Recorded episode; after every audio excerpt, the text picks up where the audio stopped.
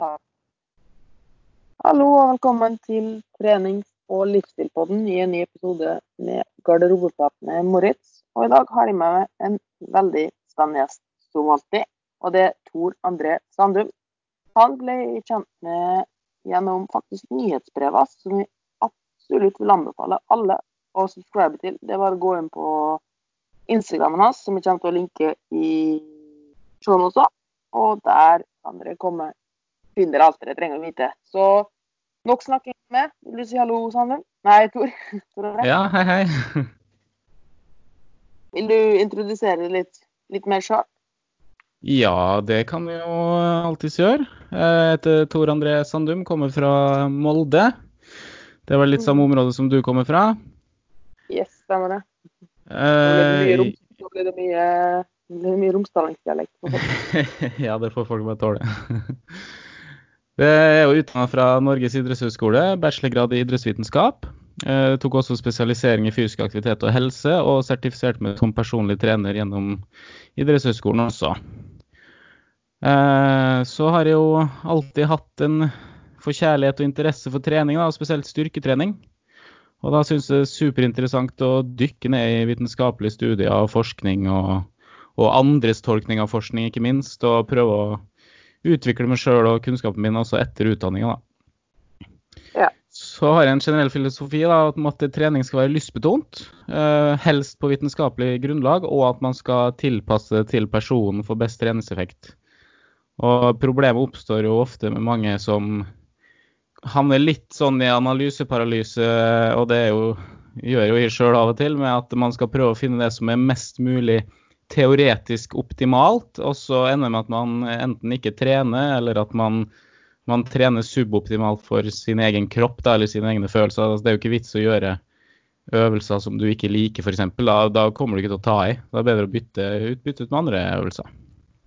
Ja, til tross for at den kanskje ikke er den mest optimale, da, sånn etter bordsjakk. Mm. Så det, det er litt sånn min visjon der rundt trening. Jeg Støtter den fullt og helt. Eh, Dagens tema er jo rett og slett styrketrening. Eh, Litt sånn Jeg tror veldig mange misforstår litt hva, hva som egentlig er poenget med styrketrening, og hvordan man faktisk trener effektiv styrketrening. da. Eh, Et sted der jeg ofte ser det, er jo uten å nevne navn, så er det diverse aktører ute på markedet. da. Eh, og influensere for så vidt på Facebook, på Instagram og slike ting, som ofte legger ut dagens økt. Den her svir skikkelig i rumpa. Her får du skikkelig pump i rumpa eller bicepsen og sånne ting. Og eh, folk er veldig opptatt av å kjenne ting, eh, og det er greit nok, det. Eh, men ofte så tror de at en god styrkeøkt, da skal det svi. Da skal man bli støl neste dag, og da skal man liksom kjenne den pumpen mest mulig, da. Eh, og det er bare én av mange misoppfatninger rundt styrketrening. Du tenkte at vi skal bruke dagens episode for egentlig enkelt og greit, eller at- Tor André får enkelt og greit forklart litt hva som egentlig er grunnen til at vi blir sterkere, grunnen til at vi bygger muskler. Og helt til slutt så kommer vi til å avslutte med hvordan du kan bruke dette til å sette opp ditt eget treningsprogram. da. Så hvis du bare vil sette litt i gang, eh, Tor André, med hva er egentlig styrketrening, og hva skjer egentlig? Hva er det vi er ute etter? Ja, eh, styrketrening det jo, kan jo defineres på litt forskjellige måter, men eh, jeg liker å tenke på det som eh, trening der man utsetter muskulaturen for et stimuli som gjør at den enten blir sterkere eller større, ofte, altså, oftest begge. da. Det er jo det man er ute etter å oppnå. Eh, og Det kan jo høres litt skummelt ut kanskje for mange kvinner som ikke har lyst til å bli så mye større, men eh, styrketrening er jo en en prosess som tar mange, mange, mange, mange år hvis man skal bli kjempestor, eller mange år med dedikert trening og en del ulovlige substanser som du helst ikke har lyst til å ha i kroppen. Spesielt for kvinner, da. Eh, så vi kan jo dykke litt inn i hvor fort man kan forvente å se resultatet av styrketreninga si. Ja, absolutt. Ja, for jeg husker jo sjøl at eh, i ungdomstida mi så var jeg relativt spinkel. Eh, ikke spesielt mye muskulatur. Eh, jeg var et lite utskudd. Jeg hadde noen få nære venner, men jeg er aldri noen del av liksom, den populære gruppa med, med fotballgutter som hadde liksom der, der muskler og kraft og, og, ikke minst teknikk i fotball kom veldig naturlig, da. Mm. og så var jeg kanskje litt barnslig, og det er vel fortsatt, så ja, så det skapte jo et eh, lite ønske meg sjøl om, om, å få til det jeg kanskje følte at jeg ikke fikk til. Og da var den mest naturlige løsninga ah, jeg, jeg må se ut som sa idrettsgutta, jeg må få en mer muskuløs kropp. Eh, det kan ha vært en vei liksom for å bli populær, eller det kan ha vært for å prøve å bygge selvtillit. Eh, men eh, det var noe, sånn det var. Eh, det var kanskje ikke den riktige måten å gjøre det på. Uh, man kan bygge sjøltillit bare ved å tenke kropp og bygge kropp, men det er en slags ytre motivasjon. Og dem som har lest litt uh, artiklene mine eller vært med i Nyhetspremiss, så vet at jeg mener at motivasjon er veldig uh, skjør. da. Den kommer, og så går den. Så man kan liksom ikke bare, bare tenke ytre motivasjon, da. Ja, det er jo en vanesvar vi begge står for, det der med at uh, driten til den motivasjonen, det er ikke den som bringer deg videre i livet. Eller det er ikke den som gjør at du fortsetter. skulle jeg si. Mm, det er akkurat det.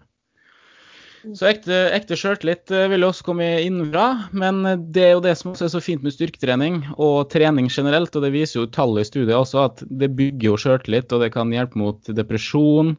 Og det er liksom den prosessen da, ved å presse seg sjøl på trening og ved å dukke opp hver eneste dag. Og som en liten tangent til det, da, så har jeg siden i slutten av november i fjor så har jeg tatt burpees hver eneste dag. Jeg gikk glipp av julaften og jeg gikk glipp av eh, en runde med omgangssyke. Og så glemte jeg det én dag på hytta, men bortsett fra det så har jeg tatt hver dag. Og det er ikke fordi at jeg tror at å ta, ta en burpee eller to hver eneste dag kommer til å endre kroppen min på noe som er en spesiell måte, men det er litt med det å være i den at du skal gjennomføre noe fysisk hver dag, da. Mm gjør noe som å orke hver dag. Ja, gjør litt. Gjør litt hver dag, og så kan man bygge på det når det blir til en vane. Mm.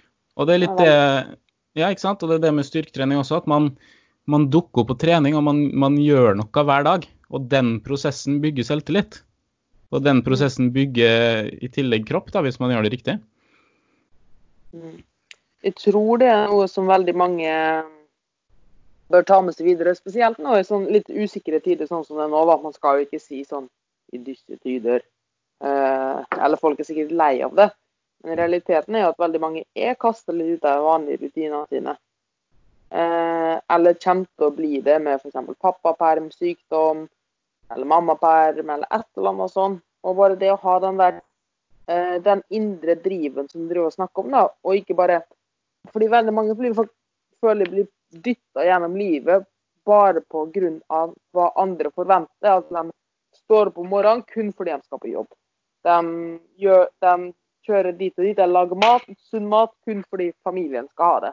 Eller noe sånt der. Og ha den der indre driven. da, liksom, Nei, dette her, dette her er kanskje litt ork, men vi gjør det likevel. Um, og jeg tror det blir skilt litt på klintet fra hveten. da, De som liksom faktisk fortsetter med noe, og dem som hopper på noe nytt hele tiden. da. Mm. Eh, Hvis du f.eks. hopper på en ny trendighet eller et nytt treningsprogram, og sånn, så er det jo det er ofte veldig sjeldent. da. Det kan være en god inngang til noe, men det er veldig sjeldent det du fortsetter med. da. Fordi det er liksom, det er noen som har sagt 'gjør sånn og sånn'. Det kommer ikke fra deg sjøl, på en måte. Mm. Ja, så det er litt det med det som skiller dem som får resultater, og dem som ikke får resultater, er at man som du sier, da, faktisk gjennomføre noe over tid. Og den viktigste tingen du kan gjøre, er å være konsekvent med et eller annet. Det kan være Altså, hvis jeg har et 100% optimalt teoretisk og praktisk optimalt treningsprogram for meg sjøl, som inneholder 19 øvelser som jeg hater, og som gjør at jeg får vondt i hofta mi og det ene og det andre, så kommer jeg aldri til å gjennomføre det. Og da er det bedre å ha et som er 20% optimalt, og gjøre det jevnt og trutt i flere år. Da vil jeg få utrolige resultater, selv om det ikke er det beste programmet. Absolutt. Det er jo noe som vi igjen og igjen får spørsmål om. Det er jeg sikker på at du også får, for jeg jobber jo mye med det samme. Eh, det er jo hva er, best, hva er, den beste øvelsen for å brenne fett? Eller hva er den mest optimale treningen for å bygge rumpe? Eller eh, et eller annet. Hva er den beste øvelsen for å trene bryst? Eller et eller annet, eller et eller annet sånt, da. Mm. Alltid hva er det beste? Og det er jo som du sier, det beste det du faktisk gjør over tid. Ja, absolutt. Og det, den, alle de spørsmålene jeg kjenner meg sjøl igjen i, også fra den eh, perioden jeg snakka om uh, når jeg var, var ungdom. da, at uh, Eh, man gikk jo på Google og søkte etter akkurat det der, da. The best dit, eller how to get a sixpack, eller the best way to be ripped, og alt sånt her. Og da kom det jo opp en del guruer, eksempel, jeg vet ikke om du husker han, men Vince Del Monte. Det var en av sa, nei, det var en av Guri han hadde sånn sixpack et eller annet. Eh, og han, det virka så fantastisk det han kom med, da. Og helt utrolig. Og jeg har på en måte fortsatt å bare følge han litt sånn i periferien etter utdanning og sånn. og det han kom med da, det er så langt ute og så lite evidensbasert at det, er helt utrolig. Men jeg slukte det jo. Ikke sant? For jeg skulle jo jeg skulle ha den godt skjulte hemmeligheten som ville garantere med dama, penger og selvtillit for resten av livet på det tidspunktet. Det minner meg eh. nok veldig om uh, B-Shred akkurat nå. Jeg vet ikke om jeg har sett uh, reklame på det på YouTube. Han jo, jeg har vært litt borti han der, ja. en mann i baris som bare This is the secret to get uh, the six-pack. And this one food will make your metabolism go up by ten, ten times. ja, så har han en sånn quiz som du kan gjennomføre for å finne ut hvilken mm. kropp du har og hvordan du bør trene. Og så får du selvfølgelig ikke vite noe om hvordan du bør trene før du melder deg på nyhetsbrevlistene. Så når du først har meldt deg på der, så får du egentlig ikke vite så mye før du betaler for programmene selv. Så det er sånn, det er en stor marketingploy mye av det der, altså. Mm. Det blir vel mye av det samme. Men ja, det ja tilbake til eh, Tilbake til Ja. I eh, hvert fall, da. En følelse jeg hadde, var forvirring, altså forvirring hjelpeløshet og eh, mangel på kritisk tenking og en helt sånn urealistisk bilde av hva man egentlig kan oppnå da, med styrketrening, eller hvor raskt det vil gå. Mm. Eh, og det er jo litt forskjellig for kvinner og menn. da. Men eh, vi, vi, kan jo gå kjapt gjennom et par studier her. Det var en studie som viste at nybegynnere klarte å legge på seg 7 kilo fettfri masse på tre måneder trening. Ja. Og det, det, høres jo helt galskap ut. Og det er en annen studie som viser at du kan legge på deg 5,6 kilo fettfri masse på ti uker, som er litt under tre måneder. Så der har man liksom to studier som viser at det er mulig å legge på seg ganske mye. Mm. Eh, og så er det fett, hva er fettfri masse, ikke sant? ja. Og de var vel sikkert helt utrente før de starta? De var helt utrente, og det kan vi komme tilbake til litt eh, nå, akkurat. for, rest, eh, for, så vidt. Eh, fordi at det er jo slik at eh, ja, det, det, virker veldig, veldig bra. Eh, for det første så er det sikkert veldig mye vann, og det er sikkert en del inflammasjon etter treninga og sånn. så det er ikke, det er ikke sju kilo tørr muskelmasse, det, det kommer man ikke til å legge på seg på tre måneder. men men det viser at det skjer noe i kroppen. ikke sant? Det skjer noe, Etter bare tre måneder med styrketrening så skjer det noe. Du har lagt på det muskler, du har blitt sterkere. Og mm. Det er en sånn graf, det er litt vanskelig å, å vise over en podkast, men den ligger, på, ligger snart ute på nettsida mi, og du vil få det hvis du melder deg på nyhetsbrev også, så får du, får du en liste over alle de artiklene der etter hvert. Men det er en graf som eh, viser at det er en, du kan se for deg at det er en grense da, for når du ser de synlige resultatene. Og det går en liten stund. Så hvis man begynner å trene og forvente å se noe med en gang, så gjør man ikke det. Men hvis man klarer å holde ut og komme liksom over den kneika da, der du begynner å se forskjell, mm. så kommer det Da får du litt den ytre motivasjonen som kanskje kan bidra med å styrke den indre også, da. Mm. Og så flater kurva ut over tid. ikke sant? Så etter, etter ett år eller etter to år, så er det liksom Da er du nede på 1-2 kilo økning i muskelmasse per år. Så det, det flater fort av. Mm, men der er jo sjarmen igjen, da. Eh, eller det er en sånn liten sånn ting som Igjen det som egentlig er fanesverken til oss begge, at hvis du Selvfølgelig. Hvis du har kvelt det gjennom et år, og hele tiden bare har trent, hata å trene, men du ser resultat, og det gjør at du fortsetter, da Eh, så kan det godt hende at dette er hell for et år, fordi du alltid ser resultatet og dette pusher deg til å liksom kvele den med ny økt. da. Men når du da etter et år eller to da slutter å se like raske resultat, så orker du rett og slett ikke å pushe gjennom det du hater, da. Um, og Nei, det er da ofte veldig mange detter, da, ikke sant, og har sitter igjen med den bitre ettersmaken at å nei, trening. Ja, og det er ganske Det er smart å tenke på før man begynner, egentlig. At, at ja, det går fort nå, det er gøy nå, men hva når det ikke går så fort? Hva er det du skal støtte det på da, for å fortsette med treninga? Det er jo litt morsomt sånn, for å ta litt for min egen del, da. Jeg nevnte det jo for så vidt for din del også, rett før vi starta. Og det er jo det med uh, at de starta på testosteronkur for uh, tre uker siden. Eh, ref, uh, ref spiseforstyrrelser sånn tidligere, da. Som har gjort at de har veldig, veldig lave verdier, da. Og jeg har på en måte alltid bare stanga mot en vegg med styrketreninga. Har ikke kommet noe vei, da. Um, og jeg snakka mye med legen og gikk mye gjennom treningsvolumet og så tenkte jeg OK, men da skal jeg senke det styrketreninga veldig, eller betraktelig.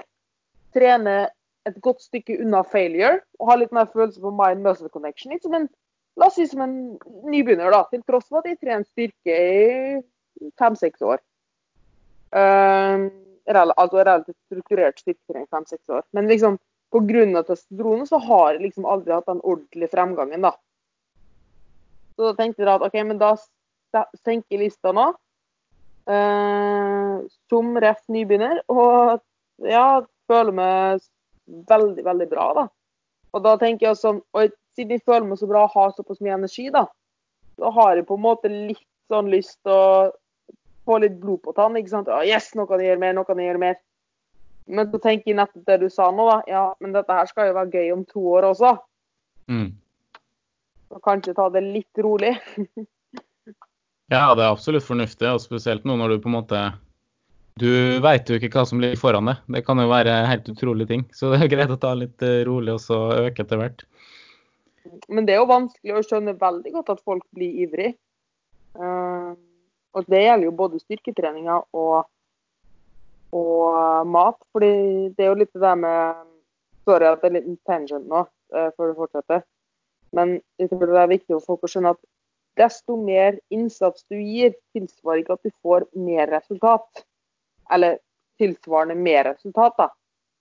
Eh, jeg liker å sammenligne litt med at du har to stykker som skal grave et hull i bakken. Og han ene er smart og går og henter en stor spade og jobber sakte. Mens han andre driver og graver et hull med en teskje og jobber som en galing. Altså, han ene jobber jo mye mer enn den andre. Men til syvende og sist, så bare fordi andre var la opp ting litt smartere, da, så får de like mye resultat. Mm. Få mer ut av hvert spadetak. Yes, det er jo litt den der eh, um, More is not better. Better is better. Mm. og rett skal være rett hvis ikke blir feil. Ja. Nei, men Jeg er helt enig i det, og det, det er veldig viktig å tenke på. Det, vi kan jo komme litt tilbake til senere at hvordan man skal trene med stor spade, da, og ikke liten teskje. mm. Eh, men litt før det så ønsker jeg også å snakke litt om det med at eh, eh, greit antall kilo muskelmasse per måned eller whatever. Eh, det er litt vanskelig å ha et bilde på hvordan det vil se ut. Eh, så jeg har også noen bilder i en artikkel som, som dere får via nyhetsbrevet, men jeg kan prøve å beskrive litt. Eh, hvis du legger på deg to kilo i muskelmasse i løpet av en måned, og la oss si du er kvinne, da, og du har veldig lyst til å legge på deg muskelmasse på rumpa, og så har du trent benkpress og tåhev, ikke sant, At du har trent litt feil og du ikke har helt forstått hva det er som bygger muskler på rumpa, så har du bygd, bygd to kilo muskelmasse, men du har fordelt det på armer, bryst og legger, så vil du jo føle at du ikke har fått resultat av treninga, selv om du faktisk har fått det. Så det er litt det med å trene på en måte som, som er tilrettelagt for dine mål, da. Sånn at når resultatene kommer, at, at de kommer der du vil. Mm. Så det vil jo gjelde for, for alle. Altså, jeg er jo veldig for et balansert styrketreningsprogram, men jeg er også veldig for et styrketreningsprogram som i perioder har fokus på visse deler av kroppen. da. Absolutt. Det er jo litt det du snakka med smart Ikke sant, igjen, da. Ehm, hvis du er Uh, Hvis du er ei dame, da, for eksempel, som er litt bekymra for å ta i hardt på trening, fordi du mener at du kanskje bygger veldig fort muskler i overkroppen, da. Uh, så det er jo ingen som sier at du må trene et sinnssykt høyt volum på overkroppen. Mm. Uh, og hvis du vil ha større rumpe, ja, da trener du mer effektiv rumpe, da. Men det er jo som du sier, det bør være en balanse. Men jeg tror Mm. folk må skjønne Eller spesielt jeg, da har de forståelsen av at bare de løfter Det er for å overdrive litt, da. Men bare de løfter ei vekt, så ser de ut som Arnold Schwarzenegger. Bare de løfter ei litt tyngre vekt og liksom må grynte litt og ta i ordentlig hardt. Mm. Eh, men det er jo som du sier, det er en lang prosess, og du kan faktisk styre den prosessen sjøl. Ja, det er ingen, som, ingen kvinner eller menn for så vidt som våkner opp og plutselig er svær. Altså, da tror jeg mange flere hadde gått rundt svær. Det er, det er hardt arbeid over lang tid, og du rekker å stoppe. Så det, det er bare å ta det helt med ro. Hvis du føler at nå begynner jeg å bli litt eh, for stor her, da er det bare å roe ned på det volumet på de musklene du føler at det er for stor, da. Mm. Og det er jo en litt sånn morsom ting, siden vi snakka litt om skuldre og sånn, eller litt, øh, kvinner er redd for å bygge overkroppen. Um, og mange kvinner spør jo eh, hvordan kan vi få en smalere midje? Hvilken trening må gjøre for å få en smalere midje? Og det er jo litt morsomt, for det er en av de beste tingene du kan gjøre for å få til å se ut som du har en smalere midje, er å få større skuldre og større rumpe. Mm. Det er også litt sånn, bare sånn side note. Um, Ja, alt er, alt er relativt, og man kan gjøre ganske mye med utseendet ved å liksom tenke litt på forholdet mellom da, da er vi, altså For min del så er vi litt over da i kroppsbygging og fitness og sånn når vi snakker om det, da, men, eh, men eh, at man ja, tenker litt på det at OK, eh, smal midje, midje Altså, jeg kan ikke du kan, du kan, hvis du vil, operere ut et par ribbein, men det er kanskje ikke så lurt. Så du er liksom født med den genetikken du er født med, og da er det greit å gjøre de tingene som da står i kontrast til midja, litt større, da. Så midja ser mindre ut, som du sa. Konge.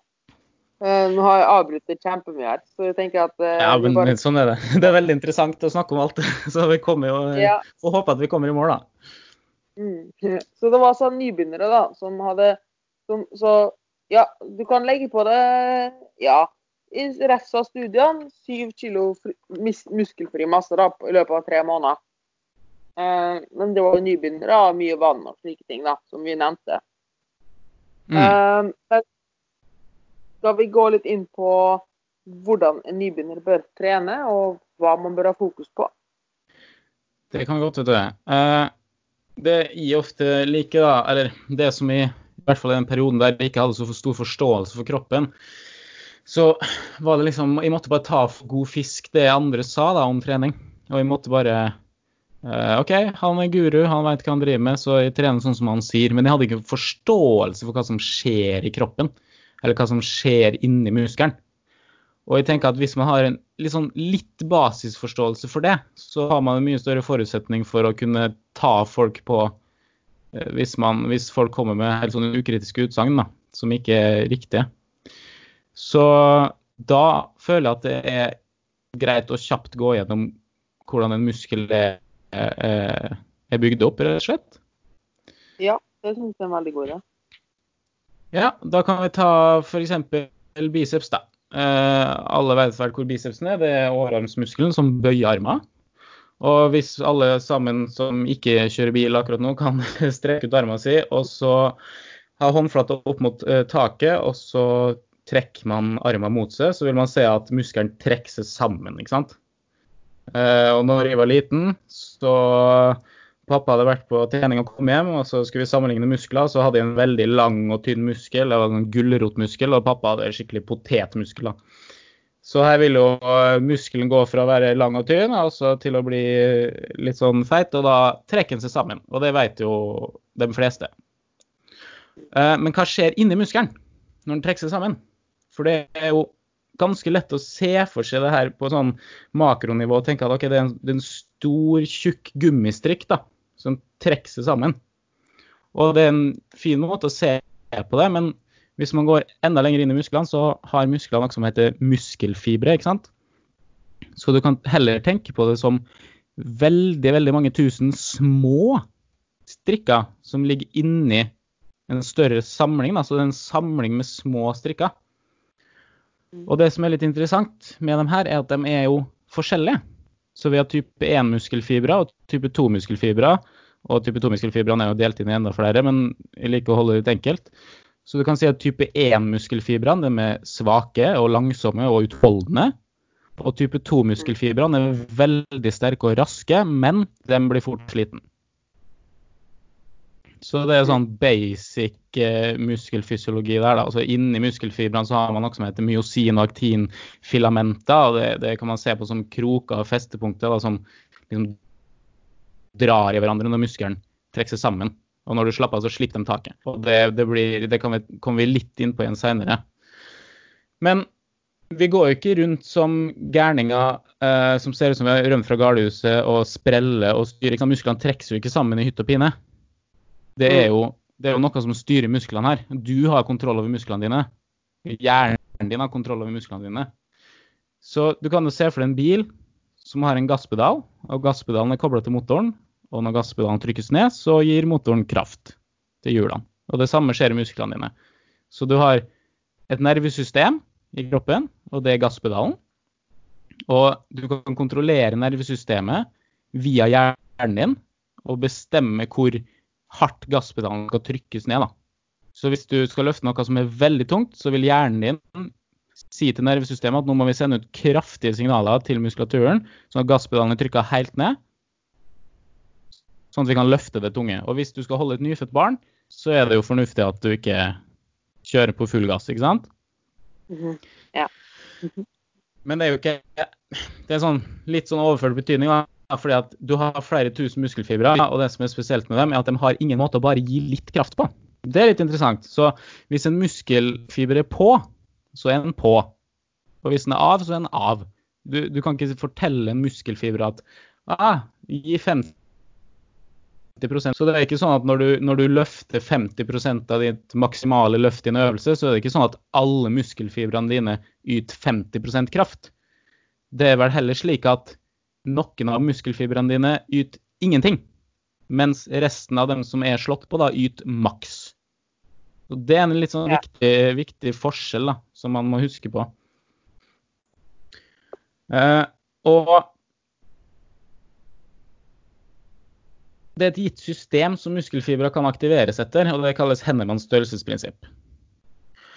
Eh, og det er slik at en muskelfiber snakker med nervesystemet via noe som kalles en motorisk enhet. Eller en motorenhet, da. Og den motorenheten her, når, når nervesystemet liksom trykker på knappen og slår på en motorenhet, så vil alle muskelfibrene som er kobla til den motorenheten, det kan være få eller det kan være mange, eh, de vil slå seg på og yte makskraft. Så det er egentlig nervesystemet gjør, at nervesystemet styrer hvilke motorenheter som skal være på, og så styrer motorenhetene hvilke muskelfibre som skal være på. Og Hennemanns størrelsesprinsipp sier at du har motorenheter som er lette å aktivere, og motorenheter som er vanskelig å aktivere. Og dem som er lette å aktivere, dem aktiveres først. Og dem som er vanskelig å aktivere, aktiveres sist. Og så er de fleste type 1-muskelfibrene dine knytta til de muskelfibrene som er lette å aktivere.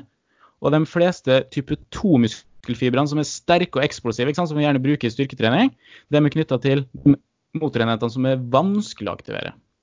Og i en helt vanlig hverdag der du går rundt, så aktiverer du stort sett de motorenhetene som er enkle å aktivere, og som stort sett styrer muskel, nei, type 1-muskelfibre. Også noen type 2-fibre, men stort sett type 1. Og de blir da trent maksimalt. Så selv om du føler at det er veldig lett å reise deg opp fra en stol da, på sittende stilling med kroppsvekt. Altså, Sannsynligvis så syns du at det er lett. Og det er fordi at eh, du, muskelen din har mye å gå på, men alle de muskelfibrene som brukes til å reise deg opp, de yter maksimal kraft.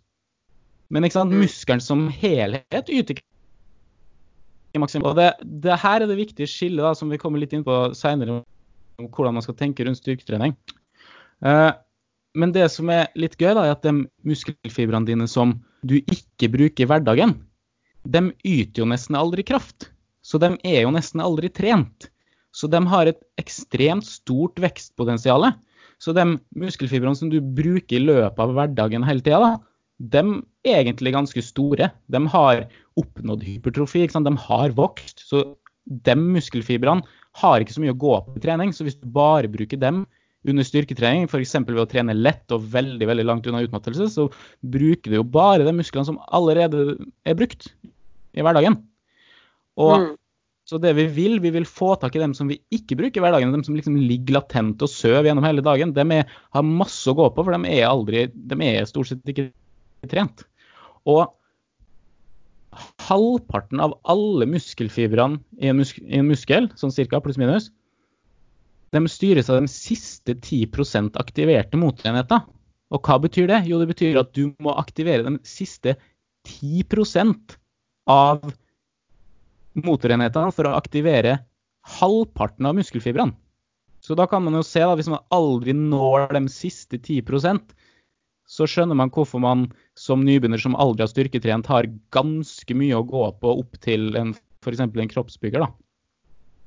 Ja, så har man plutselig 50% mer muskler som kan vokse, da. Ja. Mm. ja så det, det ja. Og det, det, det, er jo litt inne på det at hvorfor du Hvorfor det er litt viktig med det der ta i trynet, da, skulle jeg si. Fordi, eh, som du nevnte det For å da Altså, de muskelfibrene som jobber til daglig, de er veldig lett å få tak i. Eh, men så, siden de er lett å få tak i, så er de egentlig allerede veldig utvikla. Mm. Eh, men, men, hvis du vil få tak i disse andre muskelfibrene, potensialet ditt, gullgruven, så må du faktisk ta i. Og det må gjøre litt vondt. Men dette her er jo også noe man må lære seg. ikke sant? For, for det som du nevnte, så, så, vil en nybegynner ikke ha brukt så her musklene ennå. Og det å ta i på en måte, og lære seg å aktivere så er også noe man må lære seg. Mm. Uh, og som regel så Nå ble det jo litt utnerding, da. så Jeg håper at folk klarte å, holde, å henge med. Uh, jeg syns det var veldig fint forklart. Man kan gjerne også gå og lese det på nyhetsbrevet ditt, uh, eller så kan man bare høre en gang til. Men uh, det var en veldig fin forklaring. Og for å da komme inn på det, hva som er grunnprinsippet med styrketrening, det er jo da at vi vil aktivere disse type 2-muskelfibrene, eller der, den slumrende skatten da, som ikke blir aktivert i hverdagen. Uh, mm. Og du nevnte det at da, da, da, må vi gjøre noe på styrketrening. Mm. Uh, og du nevnte også litt det med at uh, det hjelper ikke å ta i lett. Eller det hjelper ikke å bare gjøre noe. Uh, kanskje du kan gå litt inn på det, hva du egentlig, hvordan du må gå frem da, for å få tak i denne gullgruven. skulle jeg si. Absolutt. nå er det jo slik at da er spørsmålet hvor tungt må du trene for å aktivere alle muskelfibrene. Og det vi ser, nå skal jeg gå ganske kort gjennom det her, men det er stor enighet i vitenskapelig litteraturen om at alle motoriske enheter som du selv klarer å aktivere, og alle muskelfibrene knytta til dem her, de er på en måte slått på aktivert når du løfter mellom 80 og 90% av din maksimale innsats, eller mer. da. Eh, for å komplisere det hele litt, så er det ikke alle muskler som når full aktivering på samme tid. Det er noen muskler som når full aktivering så tidlig som 30-50% av maksimal innsats. Så det er ikke sikkert at du må løfte på 80% men sånn på generell basis, for å forenkle det, så sier man det. Og så når jeg sier alle motorenheter du sjøl klarer å aktivere, så er det slik at forskere har funnet ut at hvis man sender strøm gjennom muskulaturen, så aktiveres flere muskelfibre enn når forsøkspersonen tar i så hardt den kan. Så de har funnet ut at du klarer ikke å aktivere alle muskelfibrene i en muskel med egen vilje. Så når vi snakker om full aktivering, så mener vi da viljestyrt aktivering. Så hvis du har tenkt å nå 100% maksimal innsats, så er jo det 100% av den muskelfibrene du klarer å aktivere sjøl. Og så vil det ligge en liten andel der som du ikke klarer å aktivere. Og det er liksom fra, fra muskel til muskel, da. Bicepsen når veldig høy aktiveringsgrad. Nesten alle muskelfibrene i en, en biceps aktiveres når du trener. Mens 15% av lårmuskulaturen din, kvadriceps, fremre lår, den ligger og sover, selv om du tar maks i på knebøy. Og det er litt sånn interessant at det, det ligger, ligger muskelfibre der som du ikke får tak i. Mm. Kan det være med, med, å forklare at noen folk iblant får til helt utrolige ting i ekstremsituasjoner? Det er en veldig interessant tanke, og det skal du ikke se bort fra. At man liksom når en eller annen muskelaktivering der, ja, som, ikke, som, du ikke klarer å nå ellers. Du har jo da historien at ei mor løfter deler av en bil og sånne ting, og bla, bla, bla. bla. Mm. Det er mange spennende ting der ute som er litt vanskelig å forklare, og det kan jo være med på den, da.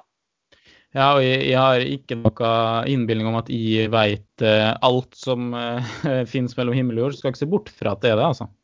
Så det er veldig interessant. Hvis, hvis man da aktiverer de 15% så blir man i teorien 15 sterkere. Mm. Mm. Men det hjelper ikke. Så, det er ikke særlig praktisk å bruke. nei, det er det ikke. Nei. Så kan vi jo bare sånn eh, Vi begynner å bli pressa på tid her. Så vi tenkte at vi skulle fort, da fort uh, gå gjennom det siste. Vi skal prøve ikke nerde ut så mye. Jeg lover jeg skal prøve, men det er litt vanskelig. Ja, men jeg tenker, jeg tenker uansett vi kommer til å kjøre en del to og kanskje tre også. Uh, ja, så folk okay. kan bruke det litt for å bygge opp Ja, få litt forståelse for hvordan man kan bygge opp sitt eget styrketreningsprogram. Ja, men kan vi ikke gjøre det? For da, da, kan vi gå gjennom litt hvorfor musklene vokser og blir sterkere nå på slutten. Og så kan vi ta intensitet og pauser og litt sånn videre snakk i neste episode. Mm. Bra. Men da kan vi tenke på det sånn at hvis du vil bli sterkere, så må du bygge muskler. Pleier jeg å si. Uh, og det er liksom, Folk sier ja, men ja, jeg vil ha større relativ styrke, jeg vil ikke bli tyngre, men jeg vil bli sterkere. Og å ja, men hva med det at du kan jo, ikke sant, som vi om, bli flinkere til å aktivere muskulaturen, uh, og derfor trenger du ikke å legge på muskelmasse for å bli sterkere. Og så bare ja, men det er ikke slik at en kroppsbygger er stor og svak, og en styrkeløfter er liten og sterk. Altså både kroppsbyggere og styrkeløftere er veldig, veldig sterke og har veldig store mengder muskelmasse. De er helt oppe i verdenseliten på styrke og muskelmasse begge to. Og det er eksempel på flere folk som hopper mellom styrkeløft i offseason og kroppsbygging på scenen i onseason. ikke sant? Så Eric Helms er jo en av dem som har gjort det best her. Eller mye beundrer best, da. I akkurat det. Ja, og han er jo fantastisk på alle mulige måter, så Eric Helms burde jo alle som er interessert i styrketrening, følge. Absolutt. Og bare sånn lite side note her. Um, for folk som er litt mer interessert, vil jeg også anbefale å sjekke ut Eric Helms Muscle and, nei, ja, Muscle and Strength Pyramid og Nutrition Pyramid. De ligger på YouTube. Vi kan linke dem i shownotene. Mm. Så det er liksom større muskler, det bør være et hovedmål. Også for mosjonisten, for da kommer styrken din automatisk. Og hvis, spesielt hvis du er utrent, så kan du ikke øke styrken. Altså, det blir litt feil å si for en utrent, men ok, etter det tidspunktet der du på en måte har blitt vant til å aktivere hele muskulaturen, du er inne i, i bevegelsene, du har trent kanskje i fire måneder, da etter det så må du legge på deg muskelmasse for å bli sterkere. Så uansett om du målet ditt er å bli sterkere eller målet ditt er å bli stor, så må du stort sett gjør det samme innenfor styrketreninga. Det, det, er litt sånn mytebasert det med at da du trener mellom 8 og 12 reps for å få hypertrofi, og så trener du med 3 til 5 for å få styrke. Det går mer på spesialisering mot konkurranse og sånn. Så, så, du trenger ikke å, egentlig å skille så mye på det. Men det kommer vi tilbake seinere på intensitet i neste episode. Så det kan være lurt å få med seg neste episode. Men uansett, da, for å få gode resultater av styrketreninga, så må du trene konsekvent over tid. Du må gjøre en innsats uke etter uke og måned etter måned. Og etter ett til to år da, med så konsekvent trening, da kan du begynne å virkelig snakke resultater. Så ikke gi opp. Og stort sett så sier man det er tre grunner, da. Det er sånn Hovedsakelig sett så det er tre grunner til at muskulaturen vokser etter styrketrening. Eh, som trekkes fram både av guruer og også av forskere og av uh, folk som har lest en del om styrketrening. Og det er mekanisk drag i muskulaturen. Og så er det metabolsk stress i muskulaturen. Og så er det hormonrespons i kroppen. Og det er liksom de tre har blitt sett på som jeg vil ikke si helt likeverdig, men at alle tre har mye å si da, for muskelvekst. Men ganske ny tolkning av forskning og ny forskning som har kommet ut, viser at sannsynligvis så har ikke verken hormonrespons etter trening. Da går det ikke på ditt basishormonnivå, men da går det på sant, at etter en styrketreningsøkt så øker veksthormonet f.eks. Det har ikke så veldig mye å si. Og metabolsk stress i muskulaturen, det kan forklare muskelvekst, men du kan også trekke fram en enklere forklaringsmodell som gjør at det absolutt ikke forklarer muskelvekst. Og da er det liksom eh, litt opp i lufta. Mens mekanisk drag i muskulaturen, der ser man gjennom gjentatte eksperiment at det garantert skaper muskelvekst. Og da mener jeg også at vi kan forenkle hele den modellen og bare si OK, men da bør vi trene slik at vi får høyest mulig mekanisk drag i muskulaturen, og da er vi sikre på muskelvekst. Mm. Vil du fort forklare hva mekanisk drag er? Det kan jeg gjøre. Så vi mennesker har jo gjennomført en del forskning som dessverre har gått utover andre levende arter. da. Og det kan man eh, som dyrelsker se på som uetisk. Og det er jo litt trist, men samtidig så har det hjulpet oss å øke forståelsen for mange veldig kompliserte prosesser i kroppen, ikke sant? uten at vi må gjøre uetiske ting med mennesker. Og det kan man jo se på som et pluss. Og vi har bl.a. studert fugler der man har festa vekter i vingene på dem. Og det, ja, det er dyreplageri, men resultatene er interessante fordi forskerne hang da vekta fra uh, vingene og sjekka muskelmassen etter 12, 16, 20, 24 og 28 dager. Og etter 12 dager så opplevde vingene 174% muskelvekst.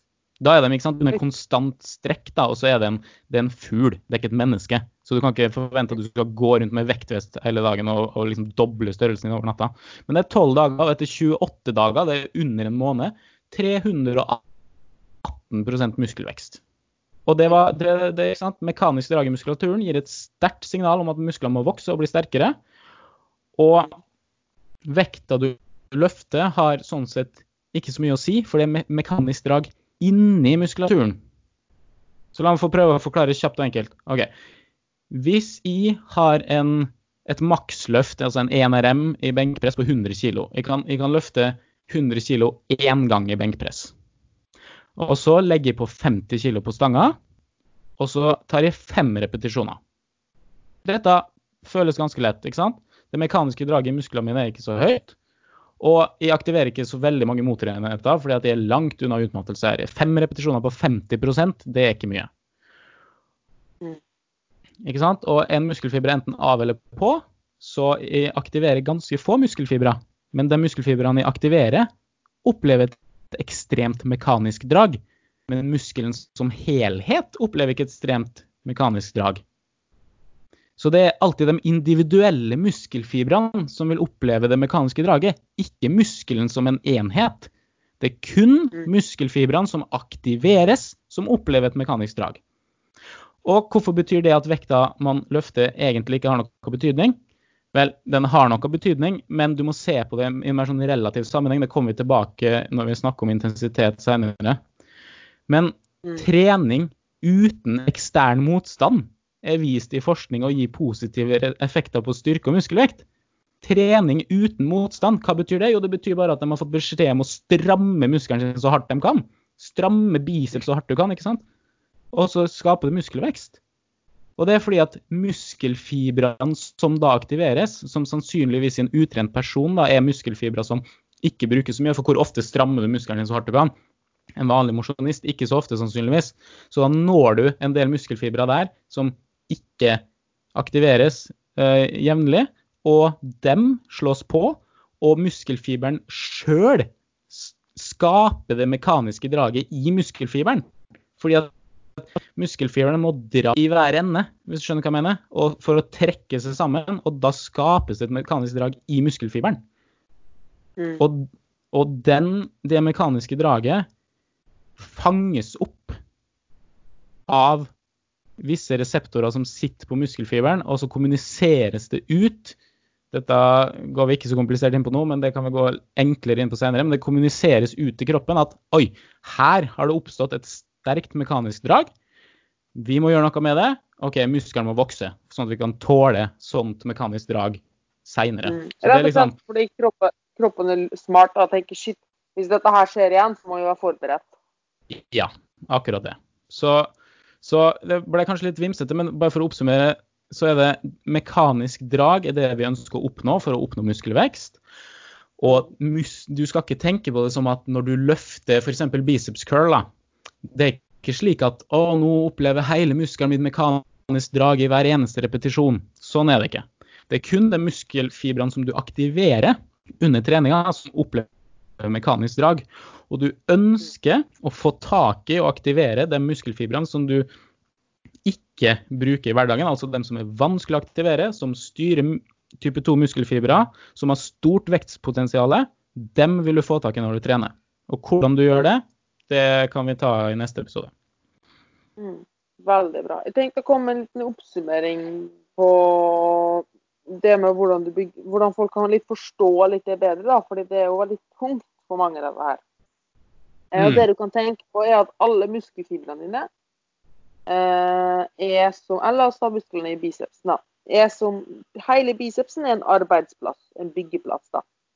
Og hver muskelfiber er en arbeider.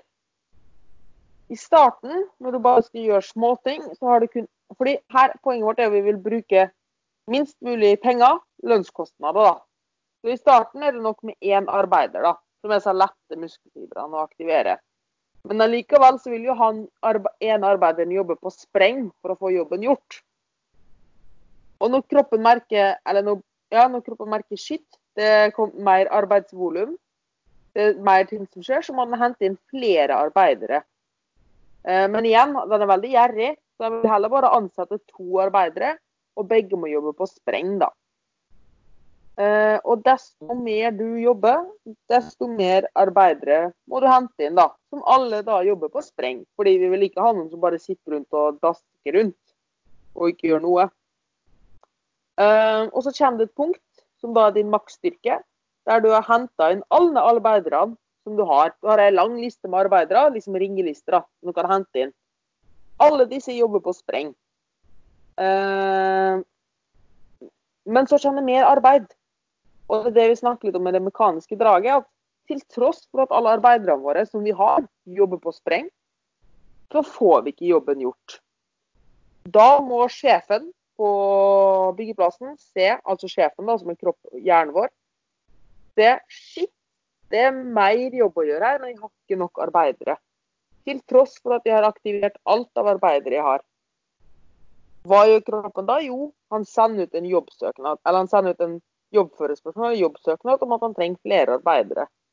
Dette her er jo da signal som blir sendt til kroppen av eh, kroppen om at vi trenger flere arbeidere. Altså vi trenger flere muskel, muskelfiber for å få jobben gjort.